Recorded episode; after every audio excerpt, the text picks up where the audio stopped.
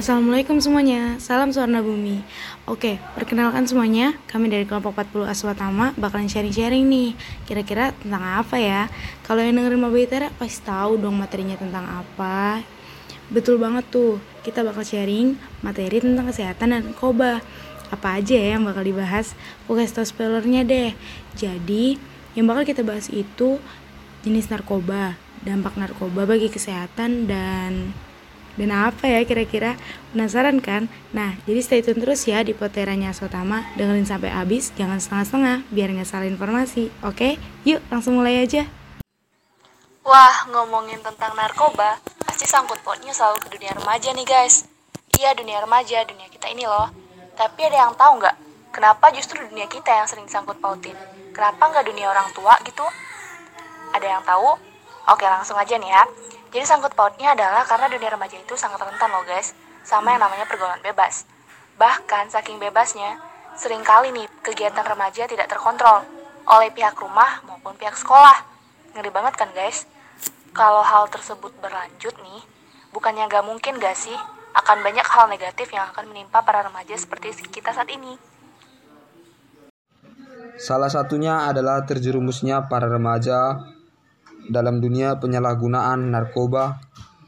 Di kota-kota besar di Indonesia, penyebaran-penyebaran narkoba pada kalangan remaja sudah tidak bisa terkendali lagi.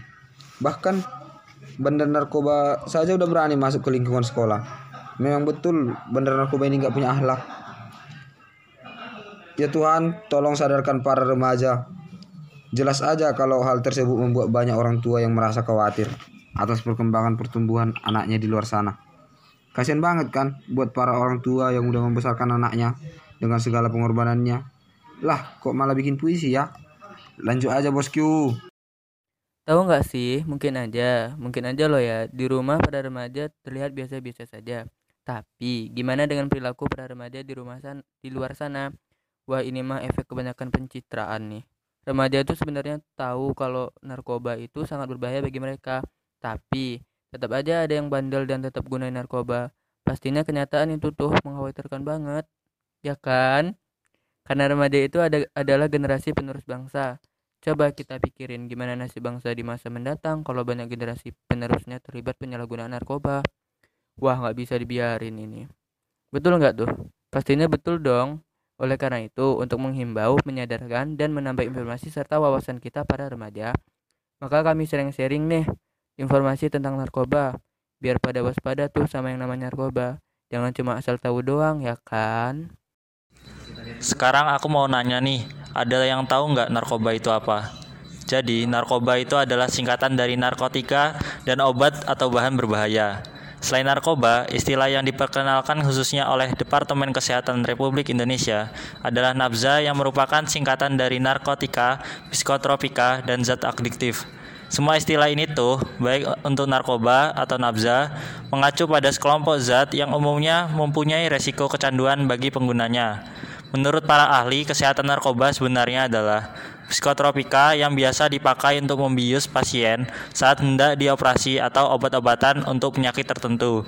Tapi, eh tapinya, sekarang persepsi itu malah disalahgunakan tuh sama oknum tak bertanggung jawab dengan melakukan pemakaian yang telah di luar batas dosis. Sampai sekarang, penyebaran narkoba tuh udah hampir di seluruh penduduk dunia loh. Biasanya, orang-orang mendapatkan narkoba itu dari oknum-oknum yang tidak bertanggung jawab. Masalah penyalahgunaan narkoba dan nafsa merupakan masalah yang sangat kompleks pada saat ini. Tentunya memerlukan upaya penanggulangan secara komprehensif dengan melibatkan kerjasama multidisipliner, multisektor, dan peran serta masyarakat secara aktif yang dilakukan secara berkesinambungan, konsekuen, dan konsisten tentunya.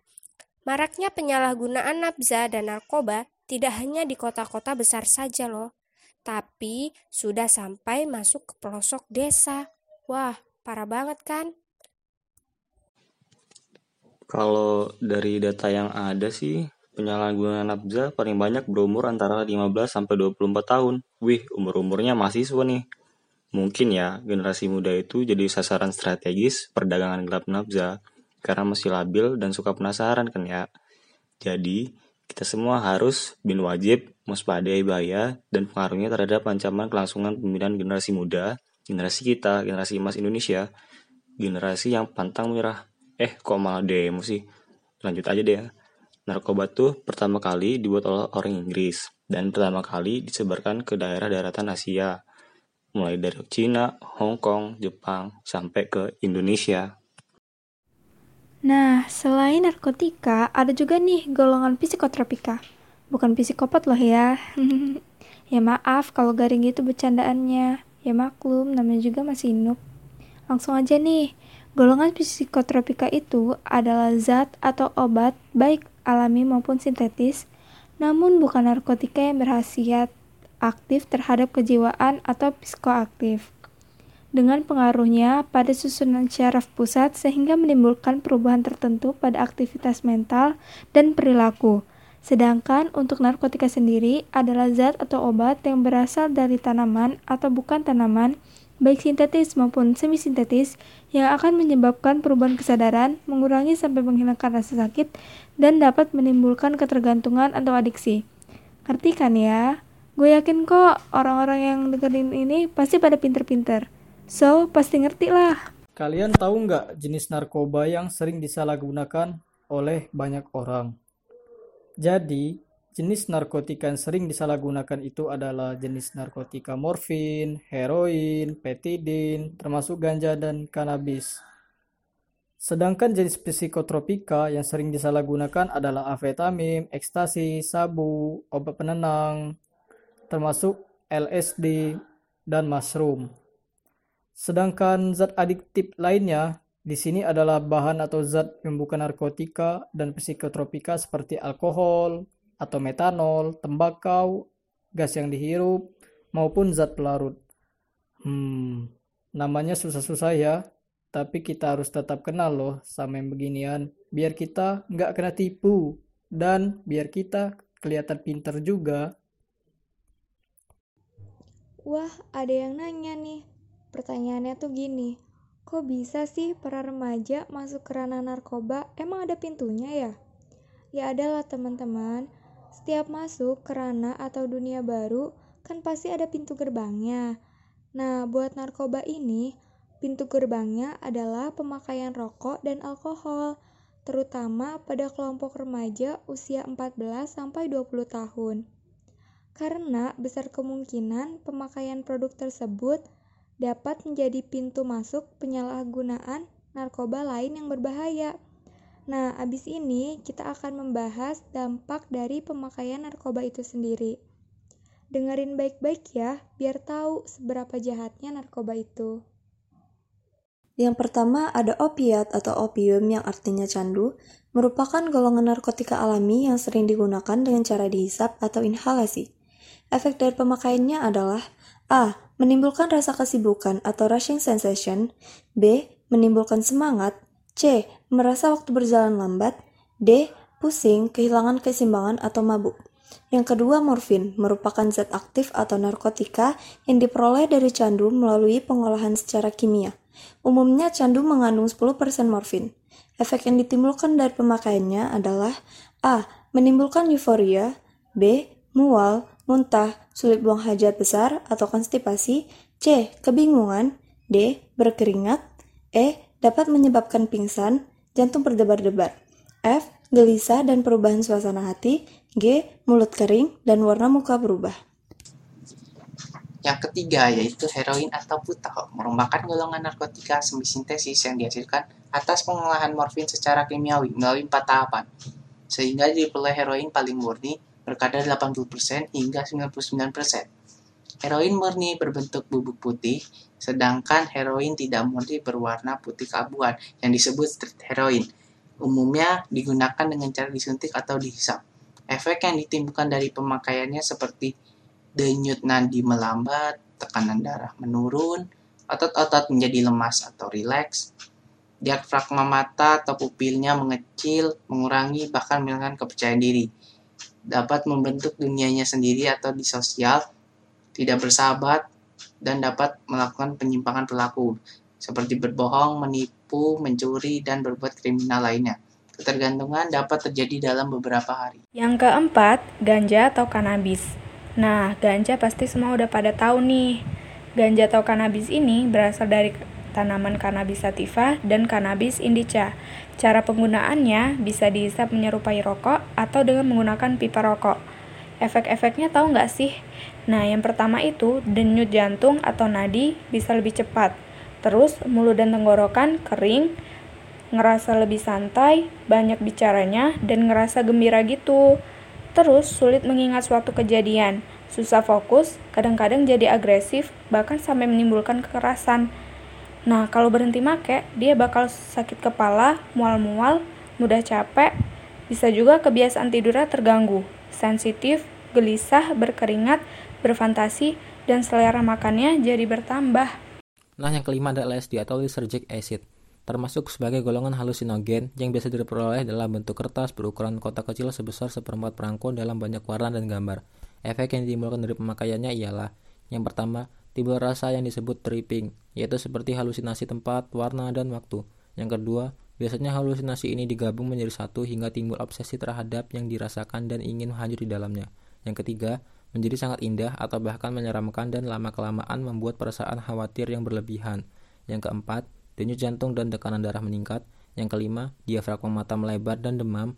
Yang keenam, disorientasi. Yang ketujuh, depresi. Yang kedelapan, pusing. Yang kesembilan, panik dan rasa takut berlebihan. Yang kesepuluh, flashback selama beberapa minggu atau beberapa bulan kemudian. Yang terakhir ada gangguan persepsi seperti merasa kurus dan kehilangan berat badan. Oke, kita lanjutkan yang keenam, kokain mempunyai dua bentuk yaitu bentuk asam dan bentuk basah. Kokain asam berupa kristal putih, rasa sedikit pahit, dan lebih mudah larut dibanding bentuk basah bebasnya yang tidak berbau dan rasanya pahit. Nama jalan kandang disebut Koka, Coki, Happy Dose, Snow, Krilly, Stripi, salju putih. Disalahgunakan dengan cara menghirup yaitu mem yang ketujuh, kodoin. Kodoin termasuk garam turunan dari opium dan candu. Efek kodein lebih lemah daripada heroin dan potensinya untuk menimbulkan ketergantungan rendah. Biasanya dijual dengan bentuk pil atau cairan jernih. Cara pemakaiannya ditelan dan disuntikan. Dan yang terakhir metadon. Saat ini metadon banyak digunakan orang dalam pengobatan ketergantungan opioid.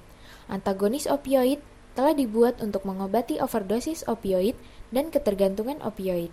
Sejumlah besar narkotik sintetik opioid telah dibuat termasuk meperidin demerol, metadon daulpine, pentazocin talwin, dan proposipen darfon. Saat ini metadon banyak digunakan orang dalam pengobatan ketergantungan opioid. Sejumlah senyawa dengan aktivis campuran agonis dan antagonis telah disintetis. Dan senyawa tersebut adalah pentazocin, butropanol dan buprenopin buprenex. Beberapa penelitian telah menemukan bahwa buprenopin adalah suatu pengobatan yang efektif untuk ketergantungan opioid. Wah, udah pada bosen ya? Jangan bosen dong. Biar nggak bosen, kita jargon dulu ya. PPLTA 2020, getarkan jiwa, satukan hati dari kita untuk Sumatera. Yeay, udah semangat kan? Yuk kita lanjut lagi. Sekarang kita bahas lebih spesifik lagi tentang efek dari penggunaan narkoba. Yang pertama, menurut efeknya halusinogen. Efek dari narkoba ini bisa seseorang menjadi berhalusinasi dengan melihat suatu hal atau benda yang sebenarnya tidak ada. Contohnya kokain dan LSD. Yang kedua, stimulan. Efek dari narkoba ini bisa mengakibatkan kerja organ tubuh seperti jantung dan otak bekerja lebih cepat dari kerja biasanya sehingga mengakibatkan seseorang lebih bertenaga untuk sementara waktu dan cenderung membuat seseorang pengguna lebih senang dan gembira untuk sementara waktu.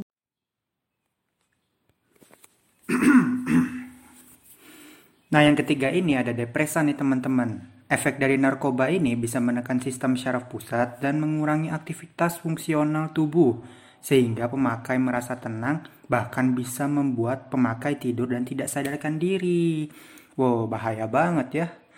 Contohnya nih putau. Yang keempat ini adiktif. Seorang yang sudah mengkonsumsi narkoba biasanya akan ingin dan ingin lagi karena zat tertentu dalam narkoba mengakibatkan seseorang cenderung bersifat pasif. Karena secara tidak langsung, narkoba memutuskan syaraf-syaraf dalam otak. Bahaya banget nih beneran, bahaya banget.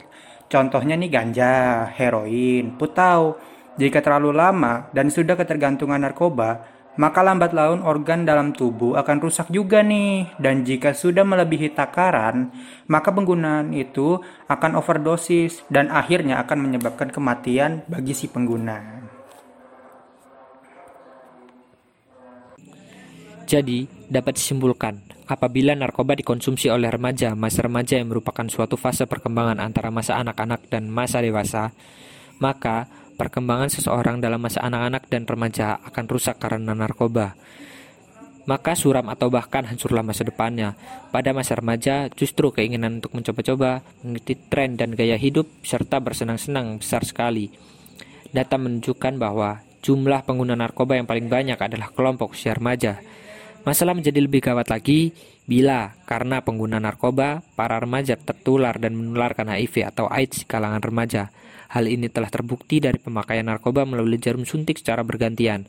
Bangsa ini akan kehilangan remaja yang sangat banyak akibat penyalahgunaan narkoba dan merabaknya HIV atau AIDS. Kehilangan remaja sama dengan kehilangan sumber daya manusia bagi bangsa. Pelajar di Indonesia merupakan salah satu pencandu narkoba yang perkembangannya semakin pesat. Para pencandu narkoba itu pada umumnya berusia antara 11 sampai 24 tahun. Artinya, usia tersebut ialah usia produktif atau usia pelajar. Pada awalnya, pelajar yang mengkonsumsi narkoba biasanya diawali dengan perkenalannya dengan rokok. Karena kebiasaan merokok ini seperti sudah menjadi hal yang wajar di kalangan pelajar saat ini. Dari kebiasaan inilah pergaulan terus meningkat, apalagi ketika pelajar tersebut bergabung ke dalam lingkungan orang-orang yang sudah menjadi pencandu narkoba. Awalnya mencoba, lalu kemudian mengalami ketergantungan. Dampak negatif penyalahgunaan narkoba terhadap anak atau remaja adalah sebagai berikut. Pertama, perubahan dalam sikap, perangai, dan kepribadian. Kedua, sering membolos, menurunnya kedisiplinan dan nilai-nilai pelajaran. Ketiga, menjadi mudah tersinggung dan cepat marah. Keempat, sering menguap, mengantuk, dan malas. Kelima, tidak memedulikan kesehatan diri. Keenam, suka mencuri untuk membeli narkoba. Ketujuh, tidak bisa fokus, Kedelapan, rusak masa depannya, dan banyak hal lain yang tentu saja sangat buruk untuk kelangsungan hidup seorang remaja. Wah, ngeri nggak tuh? Ayo, udah pada ngantuk ya. Jangan ngantuk dong, kan tadi udah janji bakal dengerin sampai selesai. Eh, nggak janji. Masa sih? Perasaan tadi kalian udah janji loh, bakal dengerin sampai selesai. Tapi perasaan saya sering salah sih, sama kayak perasaanku ke dia. Eh, kok malah curhat? Maaf bos anak indie. Memang gak tahu tempat. Lanjut ya. Yang berikutnya mau dibahas adalah metode pencegahan dan pemberantasan penyalahgunaan narkoba yang paling efektif dan mendasar yaitu metode promotif dan preventif upaya yang paling praktis dan nyata adalah represif dan upaya yang manusiawi adalah kuratif serta rehabilitatif. Lanjut ke penjelasannya. Dengerin baik-baik ya. Yang pertama promotif. Program promotif ini kerap disebut juga sebagai program preemptif atau program pembinaan. Pada program ini yang menjadi sasaran pembinaannya adalah para anggota masyarakat yang belum memakai atau bahkan belum mengenal narkoba sama sekali. Prinsip yang dijalani oleh program ini adalah dengan meningkatkan peranan dan kegiatan masyarakat agar kelompok ini menjadi lebih sejahtera secara nyata. Sehingga para remaja sama sekali tidak akan pernah berpikir untuk memperoleh kebahagiaan dengan cara menggunakan narkoba. Bentuk program yang ditawarkan antara lainnya pelatihan, dialog interaktif, dan lainnya pada kelompok belajar, kelompok olahraga, seni budaya, atau kelompok usaha. Pelaku program yang sebenarnya paling tepat adalah lembaga-lembaga masyarakat yang difasilitasi dan diawasi oleh pemerintah. Nah, yang kedua, preventif. Program preventif ini disebut juga sebagai program pencegahan, di mana program ini ditujukan kepada masyarakat sehat yang sama sekali belum pernah mengenal narkoba, agar para remaja mengetahui tentang seluk-beluk narkoba, sehingga para remaja menjadi tidak tertarik untuk menyalahgunakannya. Nah, program ini selain dilakukan oleh pemerintah, juga sangat efektif apabila dibantu oleh sebuah instansi dan institusi lain, termasuk lembaga-lembaga profesional terkait, lembaga swadaya masyarakat, perkumpulan, organisasi masyarakat, dan lainnya. Bentuk dan agenda kegiatan dalam program preventif ini adalah Kampanye anti penyalahgunaan narkoba, yaitu program pemberian informasi satu arah dari pembicara kepada pendengar tentang bahaya penyalahgunaan narkoba. Kampanye ini hanya memberikan informasi saja kepada para pendengarnya, tanpa disertai sesi tanya jawab. Biasanya, yang dipaparkan oleh pembicara hanyalah garis besarnya saja dan bersifat informasi umum. Informasi ini biasa disampaikan oleh para tokoh masyarakat. Kampanye ini juga dapat dilakukan melalui spanduk, poster, atau baliho. Pesan yang ingin disampaikan hanyalah sebatas arahan agar menjauhi penyalahgunaan narkoba tanpa merinci lebih dalam mengenai narkoba. Tuhan seluk-beluk narkoba bukan kampanye ya. Kampanye bersifat memberikan informasi tapi penyuluhan bersifat berdialog, ada sesi tanya jawabnya. Dan bentuk-bentuk dari penyuluhan ini ada seminar ataupun ceramah. Dan tujuannya mendalami berbagai masalah tentang narkoba agar masyarakat awam tidak terjerumus untuk menggunakannya. Dan program ini hanya dapat disampaikan oleh tenaga profesional seperti dokter, psikolog, polisi, ahli hukum, ataupun sosiolog sesuai dengan tema penyuluhannya. Pendidikan dan pelatihan kelompok sebaya adalah hal yang perlu dilakukan. Pendidikan dan pelatihan di dalam kelompok masyarakat agar upaya menanggulangi penyalahgunaan narkoba di dalam masyarakat ini menjadi lebih efektif. Upaya mengawasi dan mengendalikan produksi dan upaya distribusi narkoba di masyarakat. Pada program ini sudah menjadi tugas bagi para aparat terkait seperti polisi, Departemen Kesehatan, Balai Pengawas Obat dan Makanan, Imigrasi, Bea Cukai, Kejaksaan, Pengadilan, dan sebagainya. Tujuannya adalah agar narkoba dan bahan pembuatannya tidak beredar sembarangan di dalam masyarakat. Namun, melihat keterbatasan jumlah dan kemampuan petugas, program ini masih belum dapat berjalan optimal. Keren banget kan tuh upaya-upaya yang dilakukan pemerintah. Jadi, jangan mengeluh terus ya sama pemerintah. Ketiga, kuratif. Program ini juga dikenal dengan program pengobatan di mana program ini ditujukan kepada para pemakai narkoba. Tujuan dari program ini adalah membantu mengobati ketergantungan dan menyembuhkan penyakit sebagai akibat dari pemakai narkoba. Sekaligus menghentikan pemakai narkoba. Tidak sembarang pihak dapat mengobati pemakai narkoba ini. Hanya dokter yang telah mempelajari narkoba secara khususlah yang diperbolehkan mengobati dan menyembuhkan pemakai narkoba ini. Pengobatan ini sangat rumit dan dibutuhkan kesabaran dalam menjalaninya. Kunci keberhasilan pengobatan ini adalah kerjasama yang baik antar dokter, pasien, dan keluarganya. Bentuk kegiatan yang dilakukan program pengobatan ini adalah satu Penghentian secara langsung dua Pengobatan gangguan kesehatan akibat dari penghentian dan pemakai narkoba atau detoksifikasi tiga Pengobatan terhadap kerusakan organ tubuh akibat pemakai narkoba. Empat Pengobatan terhadap penyakit lain dapat masuk bersama narkoba seperti HIV atau AIDS. Pengobatan ini sangat kompleks dan memerlukan biaya yang sangat mahal. Selain itu, tingkat kesembuhan dari pengobatan ini tidaklah besar karena keberhasilan pengertian penyalahgunaan narkoba ini tergantung ada jenis narkoba yang dipakai. Kurun waktu yang dipakai sewaktu menggunakan narkoba, dosis dipakai, kesadaran penderita, sikap keluarga penderita, dan hubungan penderita dengan sindikat pengedar. Selain itu, ancaman penyakit lainnya seperti HIV atau AIDS juga ikut mempengaruhi. Walaupun bisa disembuhkan dari ketergantungan narkoba, tetapi apabila terjangkit penyakit seperti AIDS, tentu juga tidak dapat dikatakan berhasil.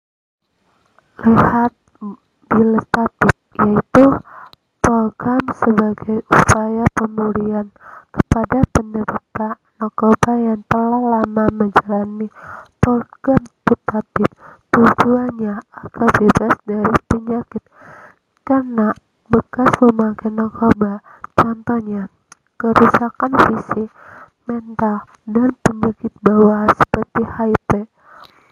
Banyak masyarakat dilakukan upaya bunuh diri untuk mengakhiri dirinya sendiri dengan cara menyuntikkan dosis obat dalam jumlah berlebihan yang memakai narkoba.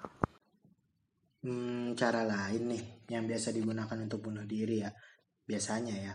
Ah, biasanya dengan melompat dari ketinggian, membenturkan kepala ke tembok, hmm, atau sengaja melempar dirinya untuk ditabrakkan oleh kendaraan yang lewat.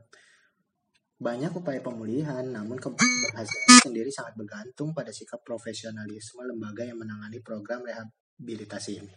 Kesadaran dan kesungguhan penderita untuk sembuh, serta dukungan kerja sama antara penderita, keluarga, dan lembaga.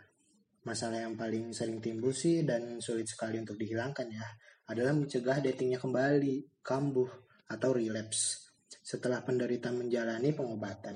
Relapse ini disebabkan oleh keinginan kuat akibat salah satu sifat narkoba yang bernama habitua. Cara yang paling efektif untuk menangani hal ini adalah dengan melakukan rehab secara mental dan fisik. Dan yang terakhir adalah represif. Ini merupakan program yang ditunjukkan untuk menindak para produsen, bandar, pengedar, dan pemakai narkoba secara hukum. Program ini merupakan instansi pemerintah yang berkewajiban mengawasi dan mengendalikan produksi maupun distribusi narkoba. Selain itu juga berupa penindakan terhadap pemakai yang melanggar undang-undang tentang narkoba. Instansi yang terkait dengan program ini antara lain Polisi, Departemen Kesehatan, BPOM atau Balai Pengawasan Obat dan Makanan, imigrasi, becukai, kejaksaan, dan pengadilan. Begitu luasnya jangkauan peredaran gelap narkoba ini, tentu diharapkan peran serta masyarakat, termasuk LSM dan lembaga kemasyarakatan lain, untuk berpartisipasi membantu para aparat terkait. Melaporkan kegiatan pelanggaran narkoba tentu saja secara tidak langsung ikut membahayakan keselamatan si pelapor. Karena sindikat narkoba tentu tak ingin kegiatan para remaja terlacak dan diketahui oleh aparat. Karena itu sudah menjadi tugas polisi untuk melindungi keselamatan jiwa si pelapor dan merahasiakan identitasnya. Masalah penyalahgunaan narkoba adalah masalah yang kompleks yang pada umumnya disebabkan oleh tiga faktor, yaitu faktor individu, faktor lingkungan atau sosial, dan faktor ketersediaan menunjukkan bahwa pencegahan penyalahgunaan narkoba yang efektif memerlukan pendekatan secara terpadu dan komprehensif. Pendekatan apa pun yang dilakukan tanpa mempertimbangkan ketiga faktor tersebut akan mubazir. Oleh karena itu, peranan semua sektor terkait termasuk para orang tua, guru, tokoh masyarakat, tokoh agama, kelompok remaja, dan LSM di masyarakat dalam pencegahan narkoba sangatlah penting. Dan yang terakhir nih untuk teman-teman semua. Pastinya sekarang udah tahu dong informasi seputar narkoba ini. Yang jelas, narkoba itu bukan nasi karo bakwan ya teman-teman. Tapi seperti yang sudah dibahas tadi, bahwa para remaja itu memiliki peran yang besar untuk menanggulangi penyalahgunaan narkoba. Tapi itu juga tidak lepas dari para masyarakat dan pemerintah yang terus mendukung para remaja agar tidak memilih jalan yang salah. So, tunggu apa lagi? Kita sebagai agen perubahan dan yang menjadi peran utama sekaligus sasaran dari para oknum penyebar narkoba, mari kita katakan dengan tegas dan lantang bahwa kita, generasi penerus bangsa Indonesia, pastinya say no drugs. Oke, sekian dari kami kelompok 40 Aswatama. Semoga yang kami sampaikan dapat bermanfaat bagi yang mendengarkan, terutama yang ngedengerin sampai habis loh ya. Kami akhiri, wassalamualaikum warahmatullahi wabarakatuh.